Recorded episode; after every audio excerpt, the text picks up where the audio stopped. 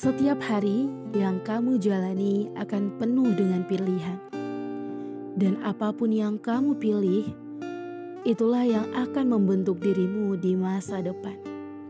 Saat TK, mungkin kita akan pipis saat diminta naik ke atas pentas. Saat SD, mungkin kita meriang saat disuruh maju ke depan kelas.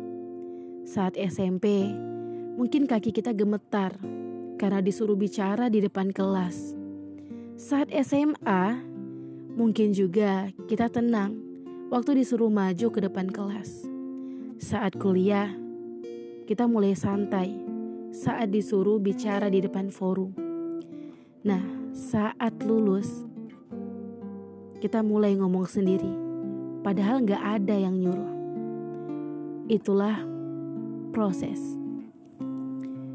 Menurut saya, belajar ngomong yang paling cepat adalah dari pengalaman.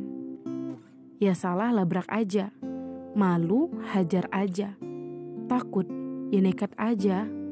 Kemudian ketika kita gugup, ya lawan rasa gugup itu. Dan yakinlah, ketika kita melakukan hal itu, melawan ketakutan, maka perlahan kita akan mulai berani untuk berbicara, tentunya yang memiliki makna. Begitu jugalah ketika belajar untuk segala hal baik lainnya. Bukankah sering kali kita merasa malu, takut, dan galau saat hendak berbuat sebuah kebaikan?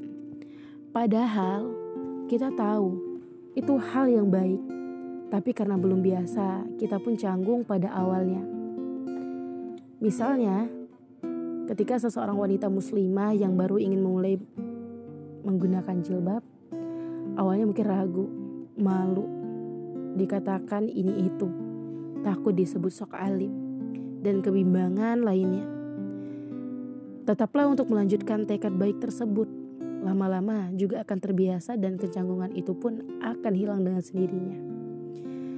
Karena Ketika sudah ada niatan untuk mengubah diri menuju hal yang lebih baik, maka jangan ditunda lagi keputusan tersebut.